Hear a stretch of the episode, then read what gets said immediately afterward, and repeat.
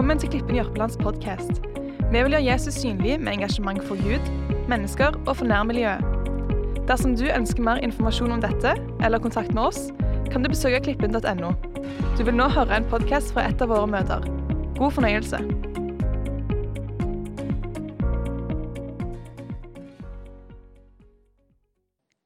Og så husker Jeg når jeg ble ungdom, eh, jeg tror jeg var 13 og egentlig ikke var gammel nok. Men allikevel så fikk jeg lov til å være med på en ungdomstur ned til Sørlandet. Det er en plass som heter Oggevatn.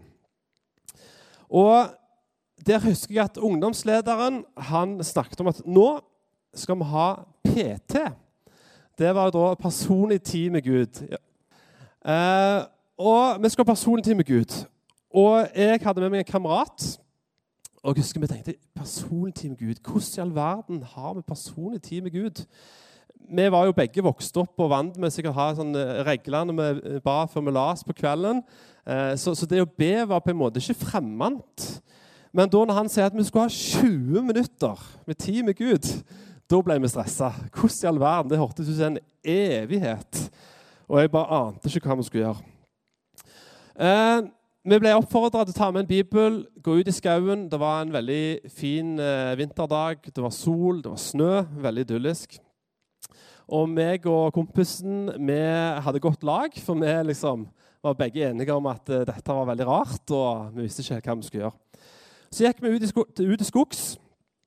Um, og der Skal vi se um, Og der husker jeg at vi fikk en veldig spesiell opplevelse. For vi møtte en ungdom som var en del år eldre enn oss, som satt nær i snøen og hadde, hadde en bibel der og så ut som hun hadde det fint. Vi gikk bort og så spurte vi du, har du, har du personlig tid med Gud. Ja, det hadde du. Ja, hva? Kan ikke du fortelle oss litt hvordan du gjør, for vi vet ikke hvordan vi skal komme i gang. Og det gjorde hun. Og, da, og det var litt spesielt, for hun hadde egentlig akkurat fått et bilde som hun opplevde Gud talte til henne. Eh, I ettertid så tror jeg at vi, det var Guds ledelse at vi valgte akkurat den kursen og traff akkurat henne. Og hun meddelte et bilde som er kanskje det flotteste bildet jeg noen gang har hørt per dags dato. Og Hun fortalte at mens jeg ba og så til henne i snøen, så fikk jeg bare en tanke. Jeg var usikker på om det var fra Den hellige ånd, men, men, jeg valgte på en måte, jeg var jo helt alene, så det var ikke så farlig. Så jeg valgte å handle på den tanken. Og den tanken var legg hånda di ned i snøen. Så hun gjorde det. Hun la hånda ned i snøen, og så venta hun. Så var hun bare stille. Og så forteller hun at mens jeg har henne nede snøen, så kjenner jeg at det ble jo naturligvis kaldt. Eh, ikke bare det ble kaldt, men det ble bitende vondt. Hun kjente på eh, smerter i hånda. Og så fikk hun en ny tanke, og den tanken var strekk hånden din opp mot himmelen. Hun kjente ikke hva som kom til å skje, men hun gjorde det likevel. Hun var lydig og tenkte ok, kanskje dette er deg, Gud. Jeg prøver. Hun løfta på hånda, det var sol, og etter hvert så smelta isen, og det rant ned langs armen. Og etter hvert så kjente du at det som var vondt, ble erstatta med varme, og det var godt. Og så sier Gud til henne Snøen er et bilde på sunden som lett fester seg. Hånda er et bilde på mennesker, på deg og meg. Sola er et bilde på meg. Hvis du bare strekker deg mot himmelen, hvis du strekker deg mot meg, så vil jeg være med deg. Jeg vil gi deg det du trenger. Kom til meg. Vi var 13 år, og, og vi syntes faktisk dette var litt stilig. Eh, vi tenkte at det, det var jo stilig at Gud kunne møte henne, men at Gud kunne møte oss, det var fremdeles litt sånn fremmed. Men samme kveld så hadde vi en delerunde hvor ungdommer forteller det ene etter det andre hva folk hadde opplevd, stort og smått. Og det var et privilegium å få lytte til. Jeg hadde ikke opplevd noe spesielt, så jeg sa ingenting. Men det å bare få sitte der og kjenne og se at Gud virkte, at Den hellige ånd virkte gjennom folk som jeg hadde sett gjennom oppveksten Helt vanlige folk, ikke sant?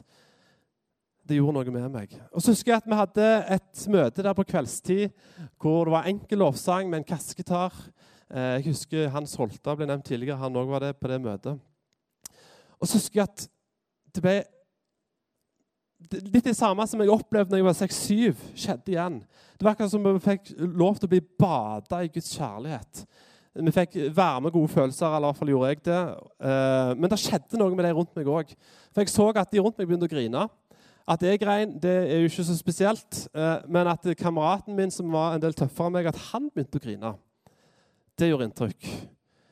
Det at å se Hans Holte, se voksne folk, se ungdommer som var så berørt av Den hellige ånd, det har jeg tatt med meg. Barat, som, som kom på en måte, som starta pinsebevegelsen i Norge, han hørte rykter om noe sånt som skjedde i, i statene. At folk hadde blitt døpt i Den hellige ånd. Og dette var helt nytt, fordi dette hadde ikke på en måte hørt så mye om siden urkirka, når pinsedag kom. Og Barat han fikk privilegiet av å bli åndsdøpt. Han fikk tale i tunger. Han reiste hjem til Norge, og han bare deler sine erfaringer. De ber i sammen, og Den hellige ånd faller. og Det skjer utrolig mye spennende ting. Og det var òg massiv kritikk. Folk som fra på kvers, kryss og tvers av kirkesamfunn, men òg internt, så var det massiv kritikk og skepsis til det som skjedde. Og Barat han hadde en utrolig evne til å ikke bare blåse vekk den kritikken, men til å sette seg ned, snakke med journalister, snakke med folk. Og Barat, for å ufarliggjøre dette begrepet åndsdåp, som også mange syns høres litt sånn skummelt ut, så sier han at vet du hva, åndsdåp det kan du, heller, du kan velge å heller bruke ordet kjærlighetsdåp. For det er nemlig det som er kjennetegnet til å oppleve å bli fulgt av Den hellige ånd det er at du blir fulgt av en kjærlighet som kommer fra Gud. Og Jeg syns det er fint bilder som er med og ufarliggjør, som setter på en måte et annet trykk på hva det egentlig vil si å bli møtt av Den hellige ånd. Jeg har et ønske at vi alle skulle vært fulgt av Den hellige ånd. Og jeg tror det er mulig for oss alle opplever det, unge som gamle. Og Jeg har lyst til å utfordre allerede nå så tidlig i prekenen på det at forbered deg på dette til å gå fram i forbønn etter møtet for å be om å bli bada i denne kjærligheten. Jeg har lyst til å ta, fortelle litt basic om Den hellige ånd først. Eh, vi har en treenig Gud. Eh, Faderen, Sønnen og Den hellige ånd. Og Det har også vært litt sånn vanskelig for meg å forholde meg til. Hvordan i all verden én hver tre. ikke sant? Men jeg har hørt litt forklaringer, og den beste var en som sa det sånn at vann er vann, men vannet kan ha ulike former. Når vann fryser, så blir det til is. Det har du én form. Når det, er rom, når det er romtemperert, så har det en annen form. Og når det blir veldig varmt og går over til damp, så har det en tredje form. Eh, og Gud er Gud, men vår guddom har òg tre former. Gud, han befrukta eh, Maria med sitt eget blod. Det er en bok av Reinhard Bunke som heter 'Kraften i Jesu blod'. Eh, den vil jeg bare anbefale å google og få tak på, som forklarer veldig spennende om eh, For det er jo en del fokus i Bibelen på dette med Jesu blod. Men hva er det som gjør at det er noe spesielt med Jesu blod? Hvorfor er det kraft i Jesu blod? Så den, den, vil jeg anbefale. Og så har du Gud som ånd, ikke sant? Den hellige ånd, som er bindeledd mellom himmel og jord, som gjør at vi den dag i dag kan ha en relasjon til Gud i himmelen. Mennesket er òg tredelt. Ånd, sjel og legeme. Og Gud, han skapte jorda. Han skapte verden. Det var øde og tomt. Han drømte, han hadde tanker, han, han gleda seg til å skape meg og deg. Eh, vi vet at mennesket falt i synd. Mennesket klarte ikke å leve opp etter Guds standard. Det ble et skille mellom menneske og Gud. Og Gud sender Jesus til jorda. I fysisk form er guddommen på jorda i 33 år. Og så sier Jesus til vennene sine at det er best for dere at jeg forlater dere. For jeg skal sende Den hellige ånd, som, som kan være alle plasser samtidig. Jesus var begrensa fysisk til å være én plass. Jesus sa òg noe av det siste han sa til vennene sine, at dere skal få kraft idet Den hellige ånd kommer over dere, til å være mine vitner. Den hellige ånd hjelper oss altså til å fortelle om Jesus. Så hvis du syns det er vanskelig å gjøre Jesus synlig, hvis du syns det er vanskelig og ikke helt vet hvordan du skal komme i gang, så er en god plass og en nøkkel å begynne å be om Guds kraft til Den hellige ånd. Be om kjærlighet og visdom og alt det du trenger for å fortelle andre om Jesus på din måte. Pinsedag det ble på en måte startskuddet for en ny tidsæra, hvor alle troende, inkludert meg og deg, alle Jesus-etterfølgere, kan få lov til å leve med Den hellige ånd i hverdagen. Så hvordan ser det da ut, dette livet, å leve med Den hellige ånd i hverdagen? Min virkelighetsforståelse er at dette ser veldig ulikt ut. Kanskje fordi at Gud har skapt mennesker veldig ulikt. Og Gud, som har vært inne på her, at Gud gir forskjellige gaver, eller nådegaver, og utrustninger.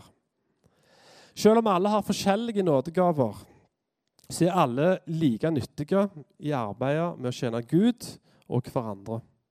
Og I Roman 12, 4-5 så står det som Geir var innom, at vi har ett legeme, men mange lemmer. Og alle lemmene har forskjellige oppgaver. På samme måte så er vi ett legeme i Kristus, men hver for oss er vi hverandres lemmer. I 1. Korinterne 12, 4-6 så står det det er forskjellige nådegaver, men ånden er den samme. Det er forskjellige tjenester, men Herren er den samme. Det er forskjellige kraftige virkninger, men Gud er den samme, Han som virker alt i alle. Og videre vers 8-11 så står det Ved Ånden blir det gitt én å forkynne visdom, en annen får ved den samme ånd å meddele kunnskap, én får en særskilt, særskilt trosgave ved den samme ånd, og en får kraft til å gjøre mektige gjerninger. En annen får gaver til å tale profetisk, en annen til å bedømme åndsåpenbaringer. Og en får ulike slag av tungetaller, en annen tydning av tungetaler. Alt dette virker den ene og samme ånd. Som deler ut sine gaver til hver enkelt slik han vil. Ok, Vi vet at Den hellige ånd er virksom men hvordan kan Den hellige ånd virke i mitt liv, i min hverdag? Kan jeg lære å gjenkjenne hva som er fra Gud, hva som er fra tanker som er fra meg sjøl? I så fall så er jo det litt viktig og interessant hvis vi skal klare å gå med en hellig ånd i hverdagen. Av og til så skal jeg være så ærlig at det virker som at mine egne bønner ikke når lenger enn til taket der jeg er. Du føler at det er helt stopp, at det er helt dødt. Andre ganger så får en bønnesvar, og en opplever at Gud griper inn. Og tenk at det er egentlig ganske magisk, og det er ganske, ganske stilig. Og jeg kjenner at jeg, den, Selv om jeg har levd med Gud i mange år, så er jeg ennå eh, Jeg blir overgitt og jeg blir positivt overraska hver gang at jeg kan bare få lov til å gi litt av mitt hjerte. Og så brytes det gjennom rommet inn til himmelriket. Det når inn til Guds hjerte. Og Gud svarer tilbake igjen. Blant milliarder av mennesker så har han tid til å lytte til mitt hjerte. Han har tid til å lytte til ditt hjerte. Og det syns jeg er utrolig stort, og det er Guds verk. Jeg har ett ord som skal lese i dag. Og så har jeg lyst til å fortelle en del historier fra mitt eget liv. Om hvordan jeg opplevde Den hellige ånd konkret har vært med meg. Og så håper jeg at gjennom det at vi kan få lov til å få tak på eh, noen mønstre som kanskje vi kan lære noe av, eh, og som vi kan ta med oss. Denne bibelteksten som vi skal lese ifra, det er en av mine absolutt favoritt bibelhistorier når det kommer til dette å lytte til Gud og lære å høre Guds stemme. Eh, denne bibelhistorien den inspirerer i hvert fall meg veldig. Eh, og jeg tror at det er en del nøkler i denne bibelhistorien som eh, kan gjøre at vi vil oppleve mer av Den hellige ånd i hverdagen. I denne historien så møter vi ei dame med et spesielt navn. Hun heter Peninna. Eh, og Hun vokser opp, og hun er fruktbar, og hun får veldig mange unger eh, med mannen Elkana. Og Det som er litt spesielt med Peninna, det er at hun vokser litt ekstra i seg sjøl når medkona altså, Det var vanlig på den tida at en mann kunne ha flere koner. Peninna, eh, som var gift med Elkana, hadde ei, eh, eller Elkan hadde også en annen hustru som het Hanna. Og Peninna hun var egentlig ganske slem.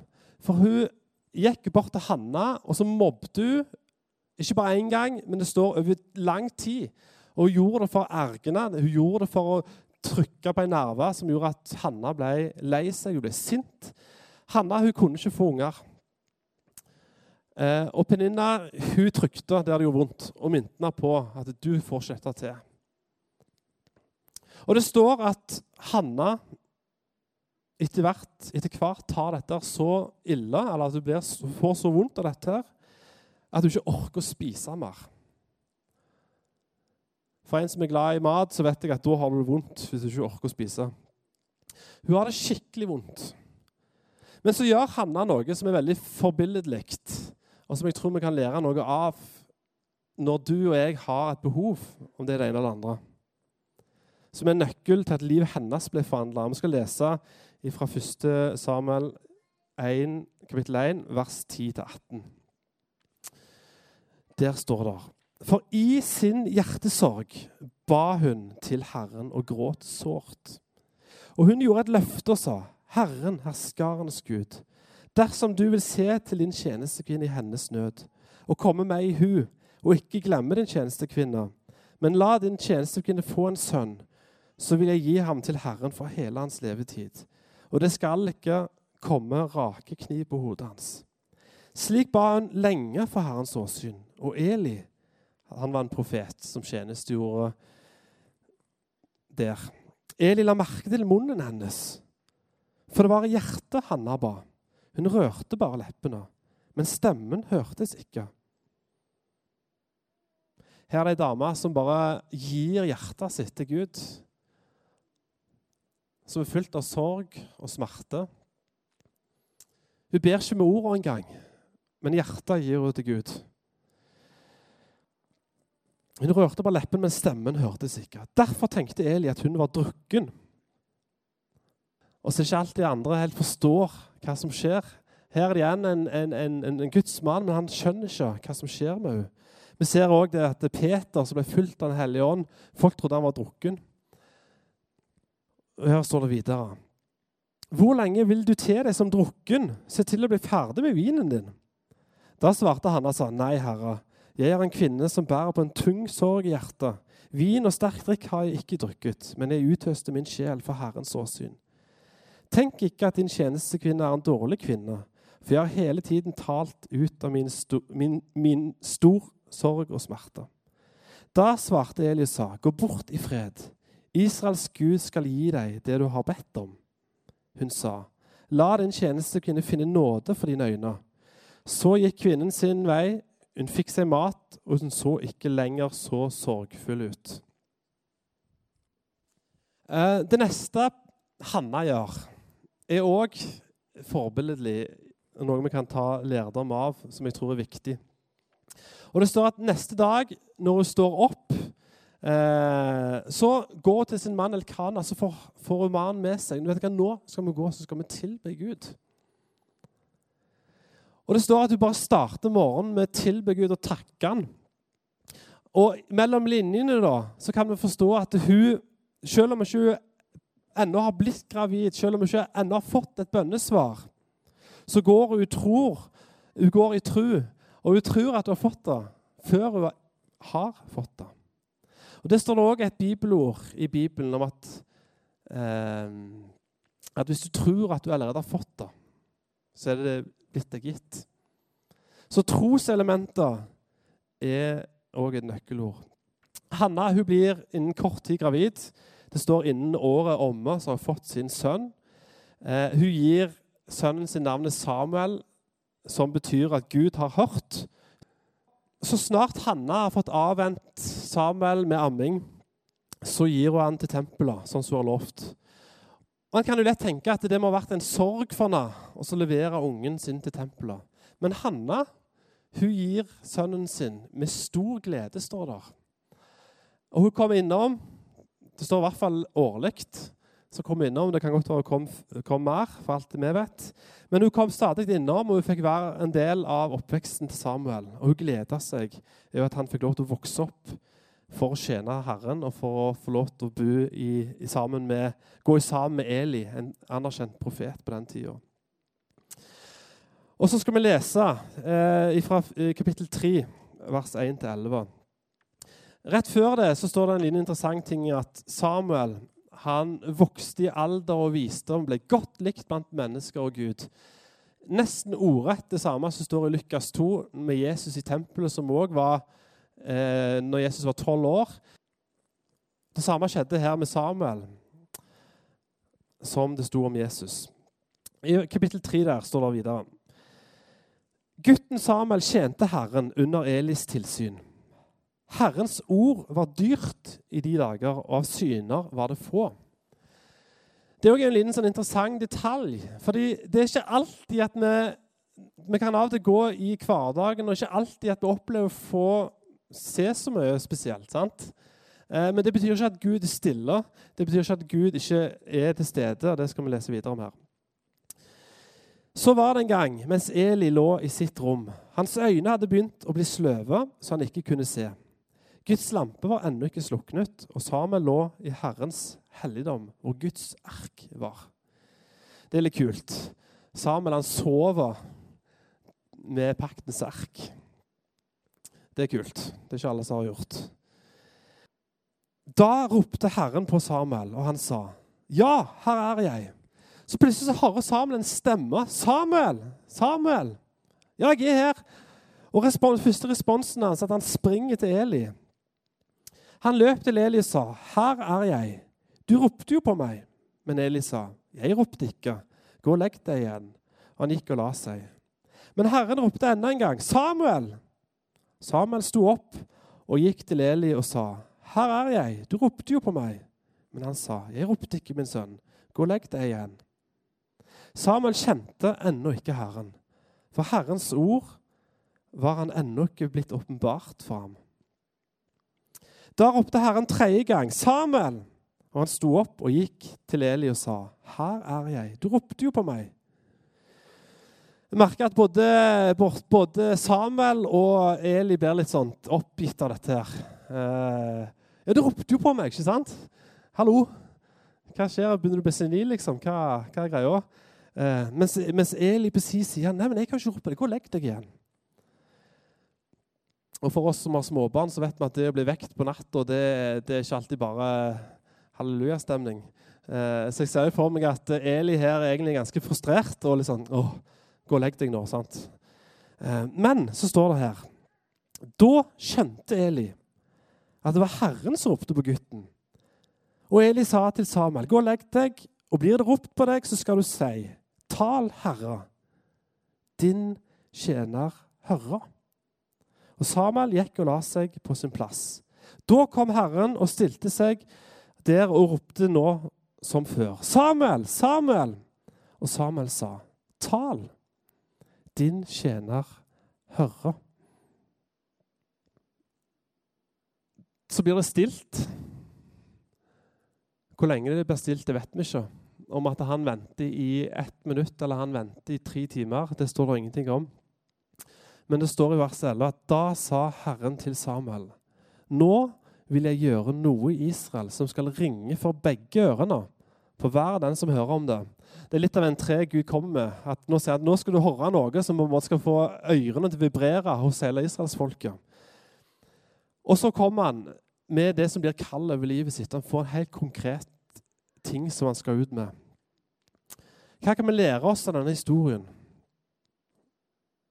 Kan det hende at Gud taler til oss, men vi ikke fanger det opp? Kan det hende at Gud roper på deg og roper på meg, Men så reagerer vi med at vi tror at det kommer fra mennesker, eller vi tror det kommer fra oss sjøl, og så blir vi litt forvirra, sånn som Samuel ble. Ja, det tror jeg. Og Da tror jeg det kan også være greit med en mentor. Det kan være greit å gå til en som har levd litt stund med Gud, sånn som Samuel gjorde. Han gikk til Eli.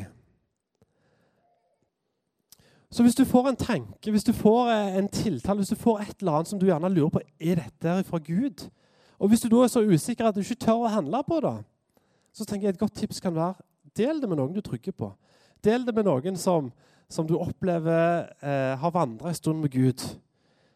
Og ikke bli fortvila om at du ikke får akkurat det du trenger første gangen. Til og med Eli, som var den anerkjente profeten på den tida, klarte ikke å coache han på den rette måten. Han trengte at han kom til han flere ganger før han plutselig det gikk opp for han at vet du hva, her, her er nok det er noe i sving.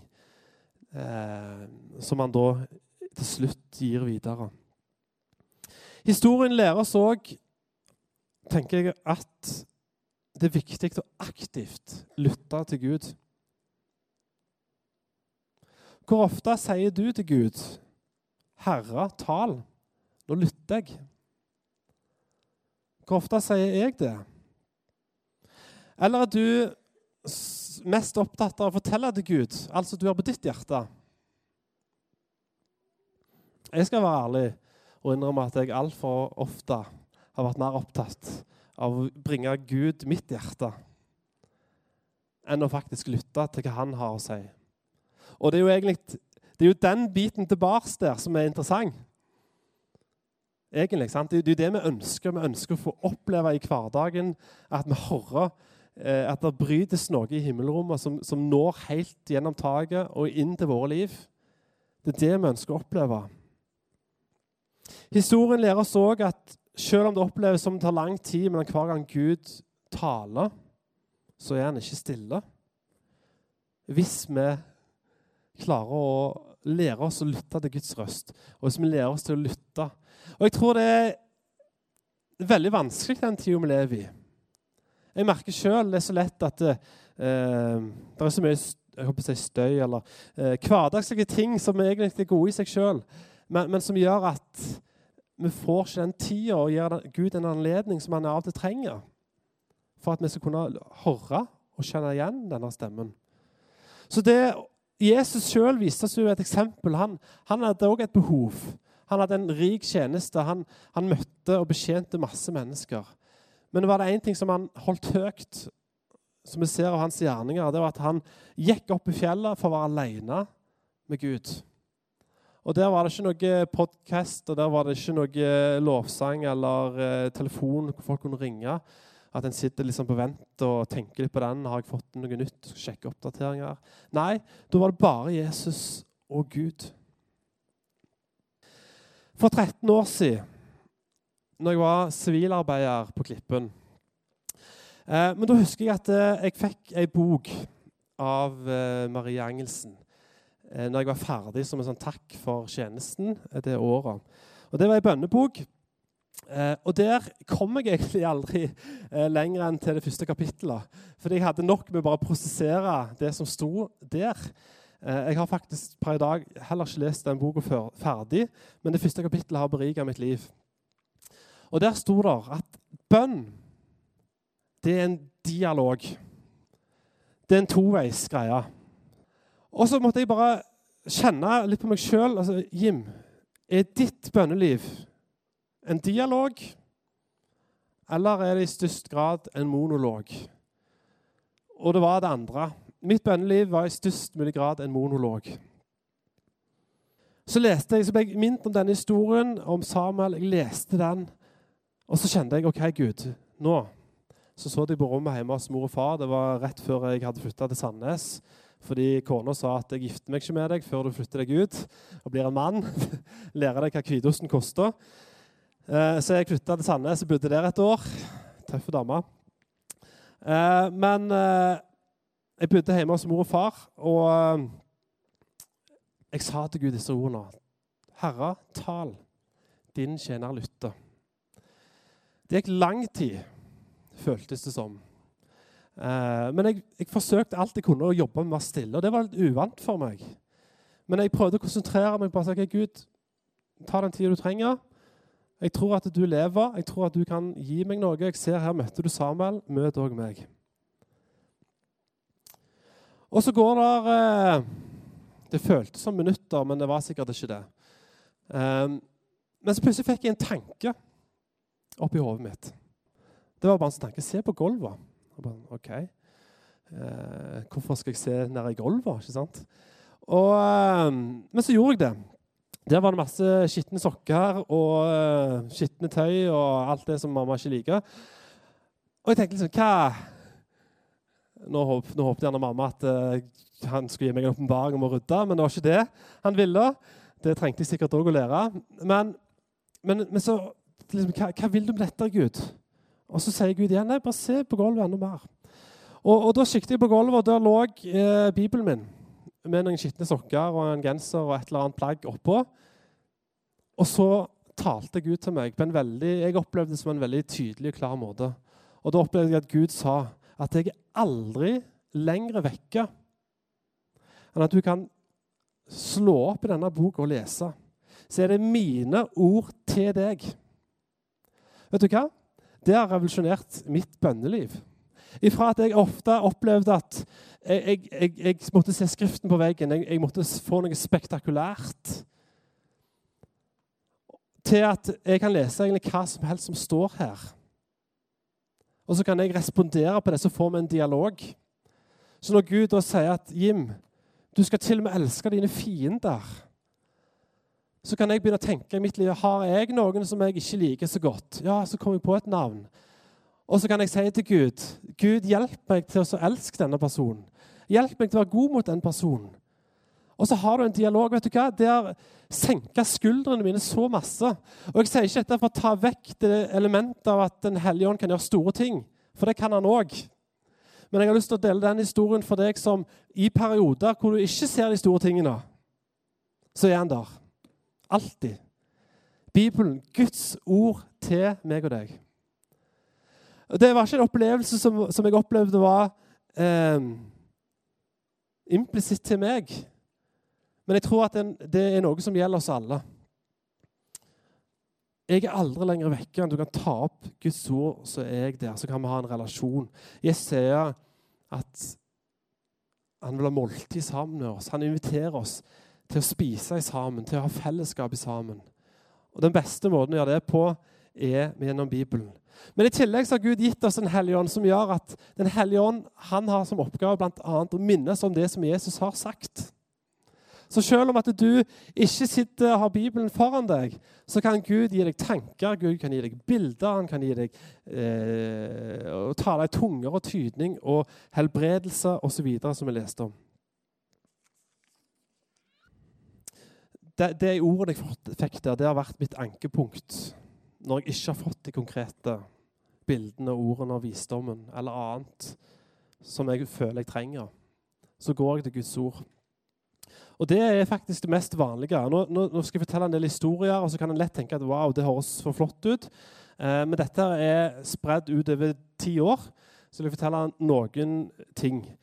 Jeg, det er ikke sånn at jeg hver dag opplever at Den hellige ånd taler til meg. Eh, men jeg er veldig glad for at han taler til meg og gir meg ting innimellom. Eh, jeg har lyst til å fortelle om noen måter hvordan jeg har opplevd i mitt liv hvordan det vil se ut å vandre med Den hellige ånd i hverdagen. Eh, jeg vil starte med å fortelle om to syn eller drømmer som jeg har fått. Eh, det er ikke ofte jeg får, eh, men jeg har i hvert fall fått disse to.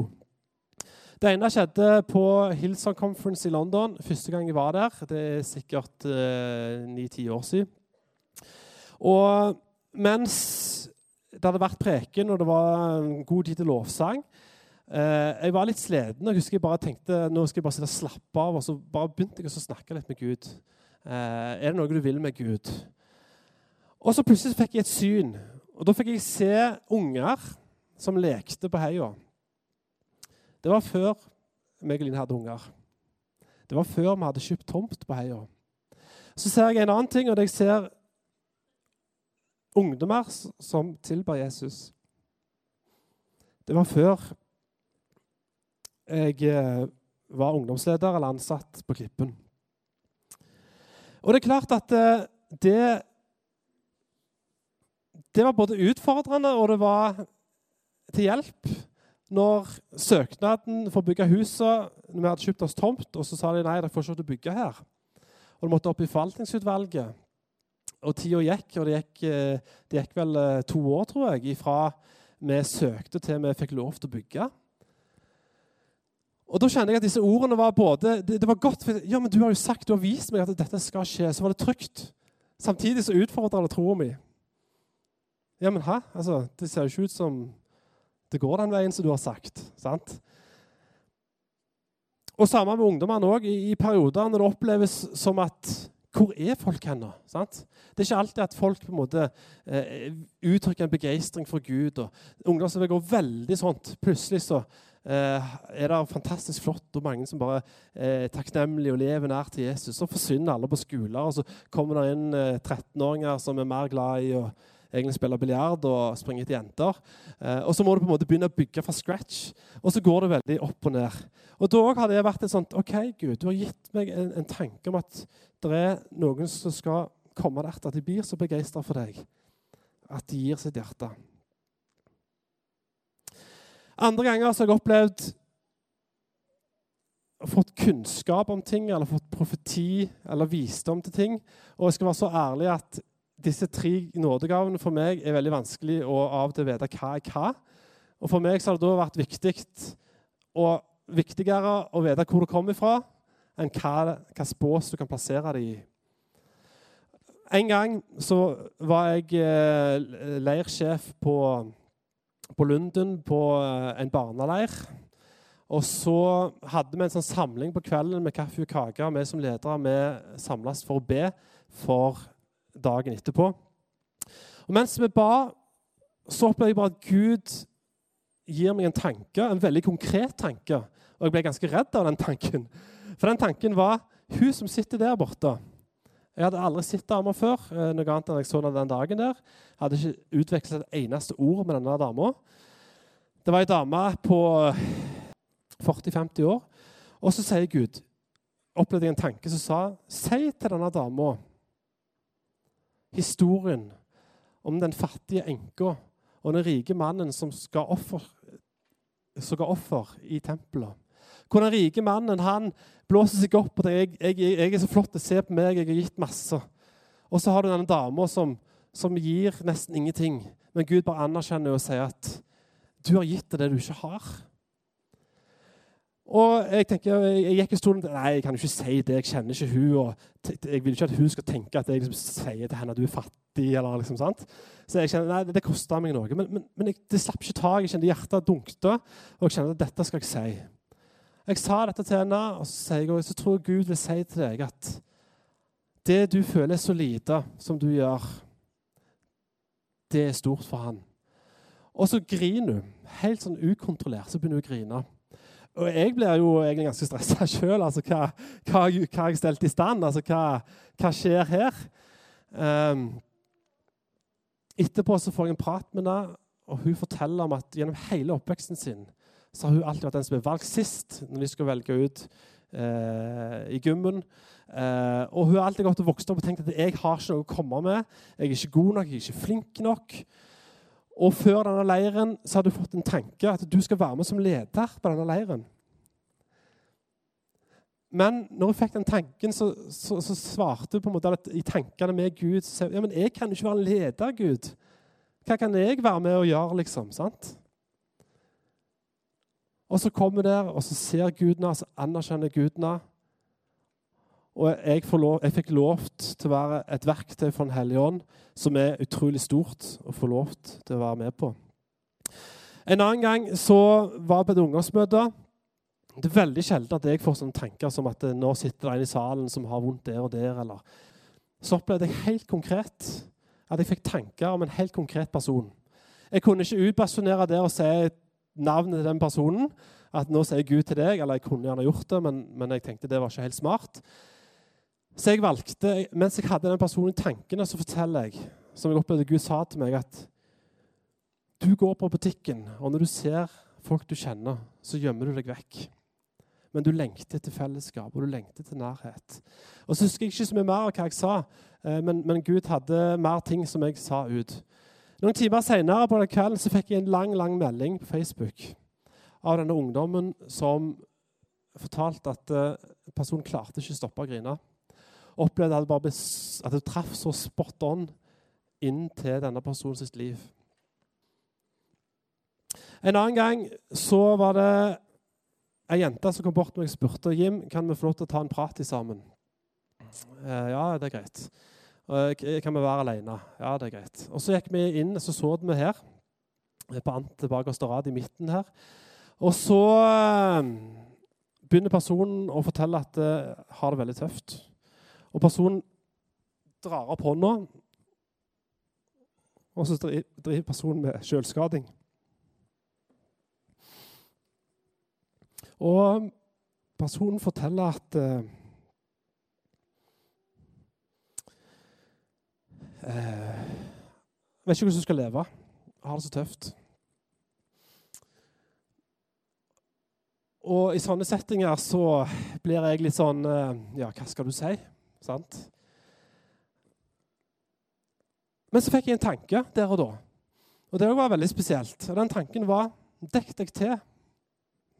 Hva, Gud? Dekk deg til. Eh, og så kom det sånn skikkelig sånn uh, urgent, eller i felle, sånn, Nå med en gang, du må dekke til. Og så tror jeg faktisk jeg tok tak i hånda hans. Og så gjorde jeg sånn. Og sånn, hva dette var spesielt. Og Så gikk det kanskje to sekunder, og så kom det busende inn den døra To ungdommer som holdt på å le, og som sprang inn i salen. Eh, og de 'Å ja, ja, dere snakker, dere, ja. ja. Det er greit. Skal vi gå ut?' Ja, fint, det. De gikk ut, og så glemmer jeg ikke responsen. Så sier vedkommende 'Wow, hvordan visste du det?' Nei, jeg visste ikke det. Men det viste meg én ting, det er at Gud han ser deg. Og så fikk vi en veldig fin prat, og vi fikk bedt sammen. For noen måneder siden så fikk jeg òg en veldig sånn klar tanke i hodet. Det var at du skal gå på morgenbønnsamling i kirka. Nå ser jeg Mette sitter her. Og OK, liksom. Men, men så er det jo det at når, når, du, måtte, når du etter hvert opplever noen sånne ting, så ser du litt mønster. Jeg kjente òg igjen eh, altså, en slags eh, en hjertevarme og en hjertebank. Og jeg opplevde Gud sa at du skal gå i kirka. Jeg fikk ikke noe mer. Jeg spurte, prøvde å spørre Gud hva er det noe du vil eh, jeg skal si, er det noe du vil jeg skal gjøre. Men det var liksom helt tomt. Eh, når jeg våkna, så var det første jeg tenkte på, at du skulle gå i kirka. Der gikk jeg, og der var det eh, et par stykker. Det var veldig fint. Rangvald han starta og tilba. Eh, det var godt å være der. Og så plutselig så fikk jeg en tanke. Du skal bare fortelle litt om noen av utfordringene som er i ungdomsarbeidet. Jeg gjør det, og, og der sitter der et menneske som, som, eh, som, har en sønn som går i miljøet. Og vi ber for den personen. Og For ikke å gå i detalj, men, men det skjer ting med denne gutten eh, som, som, er ganske stilig. Så, så, Gud jobber. På et møte en gang så så jeg her framme Jeg hadde Line på sida.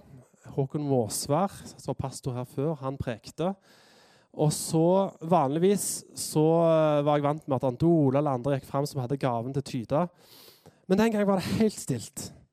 Og jeg opplevde igjen Det begynte å banke, og jeg kjente på en eh, Vanskelig å forklare, men igjen en slags varme. Jeg ble nervøs, spent, eh, og så opplevde jeg fikk noen tanker. Og jeg tenkte at det, eh, dette er ikke tydning, og derfor så, så jeg bare der. Og så plutselig så tror jeg, jeg tror Gud har måttet gitt Line også et eller annet profetisk. For, for Line plutselig dunker etter meg og sier Jim, du får ikke fred før du går fram. jeg var sånn, what? Hjertet dunket bare enda mer. liksom. Hva, hva skjer her? Jeg, jeg, det virka som jeg frøs til is. Jeg ble helt sånn skrekkslagen. så Jeg, så det ganske lenge. og Håkon Måse han pustet det. liksom, jeg, jeg, tror det er noen her som har fått et budskap. Til slutt så går jeg fram, og jeg tror det var de hadde jo bedt sikkert i 30-40 sekunder. Jeg hadde bare fått tre-fire ord som jeg delte, som hadde et eller annet på å ta på seg Guds fulle rustning. Andre ganger så har jeg blitt påminnet å be for folk. Og da har jeg lært meg å kjenne at jeg pleier å få en sånn slags guddommelig medlidenhet for disse personene. En omsorg som overgår langt min egen omsorg. For sannheten er at jeg ofte er selvopptatt eh, og, og liksom skal prøve å være bedre enn jeg er, men det funker dårlig. Det er best å bare være ærlig. Eh, men, men så, noen ganger så bare kjenner du at det liksom Og en gang så opplevde jeg det med, med Halvard Nygaard. Han kom bort til meg på et ungdomsmøte. 'Jim, kan jeg ta en prat med deg?' Vi satte oss ned og sa 'Jim, jeg er sliten'. Jeg er sliten. Han, han, hadde en hjerteoperasjon som ble fremskynda, for han hadde det tøft og vanskelig. Og i, hver, jeg tror nesten hver eneste dag i et par måneder så opplevde Gud bare på en helt spesiell måte, som jeg tror er en måte hvordan Den hellige ånd virket gjennom meg i hverdagen. Det var ikke noe jeg selv, Jeg er heller ikke noe flink til, til å ha disiplin for å be for folk over tid. Men jeg opplevde Gud bare sa jeg skulle be for ham. Og hver gang jeg ba, så ble jeg rørt. Jeg begynte å grine. Halvard han sender mye, var flink underveis og fortalte om hvordan han hadde det, og delte på lovsanger som betydde noe for han. Eh, så når han kom hjem fra operasjonen, og det gikk bra, så sendte han meg liksom Planet Checkers med Alive ikke sant? og eh, skikkelig takknemlig. Det var ikke bare jeg som ba, det var mange som ba. Så jeg sier ikke dette for liksom, å gi, ta noe kred for noe som helst. Men sannheten var jo at han kom på framside på Stavanger Aftenblad. Dette var 2017. Og han fikk fire sider tror jeg det var, på innsida av Stavanger Aftenblad. Hvor det er bilde av eh, kutt han har over magen her, og hvor Halvard sier at på framsida står det at 'jeg stoler på at Gud har kontroll, og at legene har kontroll'. Stavanger Aftenblad de kommer på ungdomsmøte når første gang Halvard og vi spiller trommer igjen. Halvard får sitte på sykesenga og fortelle til mamma si du trenger ikke være redd. Du trenger ikke være bekymra. Jesus han er med meg. Han passer på. Halvard er en stillferdig, fin fyr. Han er ikke en som utpersonerer. Jeg har, jeg har spurt om jeg har fått lov til å fortelle dette vitnesbyrdet. En annen gang så fikk jeg òg en sånn følelse. meg og Tørres var i Oslo uh, på noen kursgreier. Og så opplevde jeg at Gud minner meg på en, en ungdom og jeg begynner å grine. Hva vil du, Gud? Hva vil du? Og så bør Gud si til meg, bare si til denne personen at jeg elsker deg. Jeg går og leter etter han. Eh, jeg er spent på neste fredag. Kommer han? Og så kommer han ut fra Egerø her borte. Eh, I mørket kommer han liksom famlende ut derifra. Så går jeg bort til han sier, vet du hva, jeg opplevde Jeg har bedt litt for deg i siste. Jeg opplevde Gud jeg tror Gud bare vil si til deg at han er glad i deg. Øynene går i kryss. Eh, han blir litt sånn usikker. Men så ser jeg for første gang så går han inn og sitter med de andre ungdommene i kanskje 20 minutter. Den personen har hver gang så vidt jeg har sett, bare vært ute. Ikke vært inne med de som på en måte er mer vant med å gå i miljøet. Jeg tror Gud vil noe med denne personen.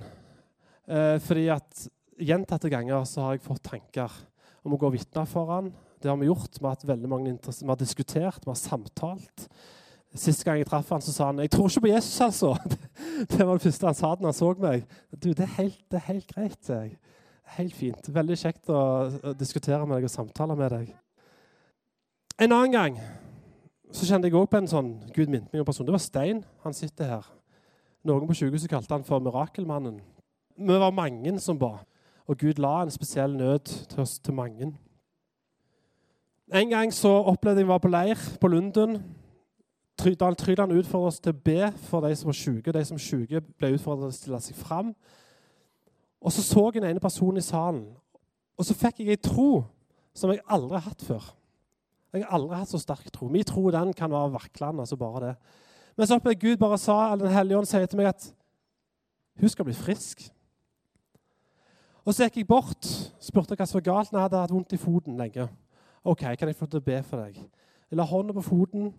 og så Mens vi ba, så kjente jeg fysisk det akkurat som det kom en varme, en strøm. altså Foten begynte å vibrere. og Jeg bare tenkte wow, kult. Takk, Gud. Og så gikk jeg etter hva, så gikk jeg tilbake så sier Tryland som leder møtet, at dere, hvis det var noen som opplevde noe nå, Så vær frimodig, kom fram og del. Og jeg tenkte nå må du gå fram. Det skjedde noe her, det vet jeg. Men personen sto helt stilt. Eh, og Tryland utfordrer igjen. Kom fram. Og så går personen fram og forklarer at opplevde en varme som strømte gjennom foten og ble mye bedre. Jeg skal gå litt kjapt gjennom et par ting her. Jeg har fått også, mange ganger så at jeg får et bibelord, jeg får en tanke. Eh, jeg har hatt noen uker hvor jeg har hatt fire-fem ganger enten bibelgrupper eller på tweens eller forskjellige ting du skal undervise. Og så bare tenker jeg hva Gud, hva skal jeg si, hva skal jeg gjøre? Men så får du ord. Og så har jeg plutselig opplevd at møteleder har gjerne sagt akkurat det samme ordet. En gang her med lovsangen så kjente jeg bare på at Gud minte meg om en salme. Jeg husker ikke hva salme det var. Eh, ikke en sånn typisk salme som er veldig kjent. Jeg kommer her og bare deler det. Og så kommer Lise Marie, som skulle lede møtet. og Hun hadde snakket med Anne Jofri i bilen. Hva, eh, kan jeg dele et ord? Og så hadde Anne Jofri kommet med akkurat det samme ordet. Og hun kommer her og deler det. Og Det er så trosstyrkende. Og, og, og du, du, ser at Den hellige ånd er der. Og Den hellige ånd er med i hverdagen. Så hvordan kan vi, hvordan kan vi gjenkjenne at det er Den hellige ånd? som, tar, som virker gjennom meg. Det har jeg spurt meg sjøl. Er det noen mønster her? Kan jeg oppleve så godt igjen? Hvordan gjenkjenner jeg at det er Den hellige som taler? Nummer én. Det har alltid vært en kjærlighet, omsorg eller medlidenhet som har aktivisert meg. Jeg har ofte fått hjertebank, blitt varm i kroppen, nervøs og spent. Det er ikke sikkert du reagerer liksom meg, men sånn har det vært for meg. Det er nesten alltid en kamp om jeg skal si det. Skal jeg gjøre det, eller skal jeg ikke si det? Skal jeg ikke gjøre det? Og, og, for meg så bare tenker jeg på, Hvis du går og kjenner på sånne innskytelser i hverdagen, som kan være Den hellige ånd, og, og, så er det så lett å bli som Samuel. At Vi vet ikke at det er Gud, og derfor så tør vi ikke. Men, men tenk hva du går glipp av. Hva er guddommelig inngrepen du kan gå glipp av. Og tenk samtidig hva kan jeg tape på det? Og Det er ofte det som har gitt meg frimodighet. At det Jeg pleier å gjøre, jeg prøver å gå gjennom en slags filter først og tenke er de tankene jeg har fått, samsvarer det med Guds ord. Det er klart at Hvis du får en tanke at du skal, du skal slå ned en for han har dunka borti bilen din, så så er det klart at det, det, det, det virker ikke veldig Kristuslikt. da, ikke sant? Eh, Jesus snakker om at vi skal elske til og med våre fiender. Så da bør du kanskje tenke at det er ikke fra Gud, det er forkast deg. Men hvis at det er tanker som er forenlig med det, det Guds ord sier, hvis det er en oppmuntring, så tør å handle på det.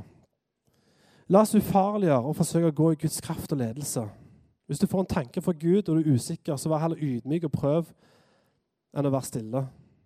Rådslå deg gjerne med noen først. Til slutt, det står et ord. Bli sterk i Herren, i Hans veldige kraft.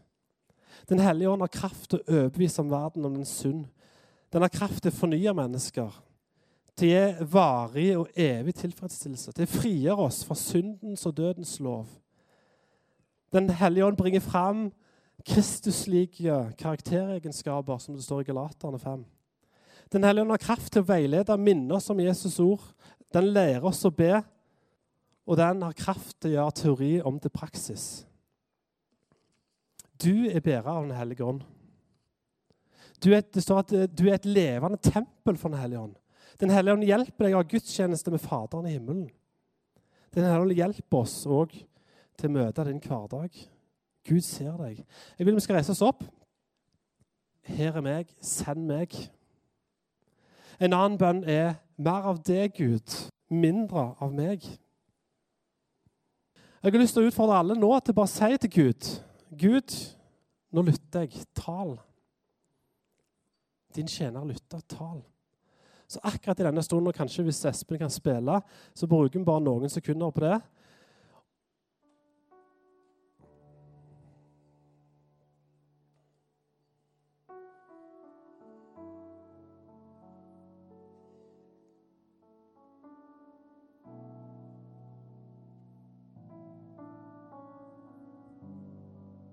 Takk for du er en levende Gud. Takk for at du ønsker å ha oppmerksomheten vår. Du ønsker å gå med oss i hverdagen. Jeg bare ber om at vi skal ha framskritt på dette. For min del og for alle, alle her inne, Gud, at Vi skal tørre å gå på det som du gir til oss. At vi skal gjøre oss nye erfaringer med det å være lydig når du taler. Lær oss å lytte. Lær oss å være stille. Lær oss å handle på det som du gir oss. Hellige Ånd, bare inviterer deg akkurat nå til å tale inn i våre liv. Her er det mange gaver representert. Må du bare gi et eller annet til forskjellige her.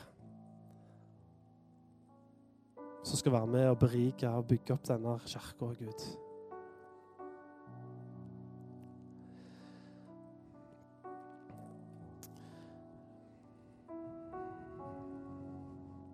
Hvis du kjenner på noe, hvis du kjenner hjertet banke, hvis du kjenner at du får et bilde, du får et bibelord eh, Du blir påminnet å be om noe eller et eller annet så kan du få lov til å være frimodig på å komme fram, dele det, eller du kan dele det i ei life-gruppe eller til din ektefelle eller en eller annen. Men tør du det, så er det veldig kjekt hvis du deler det for fellesskapet, så vi kan bli beriket av det. Og så vil jeg òg Det kan være åpent her, men vi skal synge litt. Hvis du òg har lyst til å komme fram og bli lagt hendene for og bli bedt for med åndsdåp, så tror jeg virkelig at Gud han er den samme i går, i dag, til evig tid. Gud kan møte meg og deg. Så hvis du ønsker å komme fram og bli bedt for, så vil det være noen som vil være med og be for deg. Så vil jeg bare helt til slutt bare oppmuntre dere til å gå ut, være frimodig på det som, som ligger i hjertet ditt. Gud lever i deg. Den hellige ånd bor i deg hvis du bare klarer å si at 'jeg er glad i deg', Jesus. Det klarer du ikke å si hvis ikke Den hellige ånd bor i deg. Og når Den hellige ånd bor i deg, så er det et så er det mye godt og gode som Gud vil velsigne andre med. Så vær frimodig, og lykke til med hverdagen deres i lag med Den hellige ånd. Håper dette budskapet har vært til inspirasjon og veiledning. Flere podkaster finnes på klippen.no og iTunes. Du er hjertelig velkommen til en av våre gudstjenester. Snakkes der.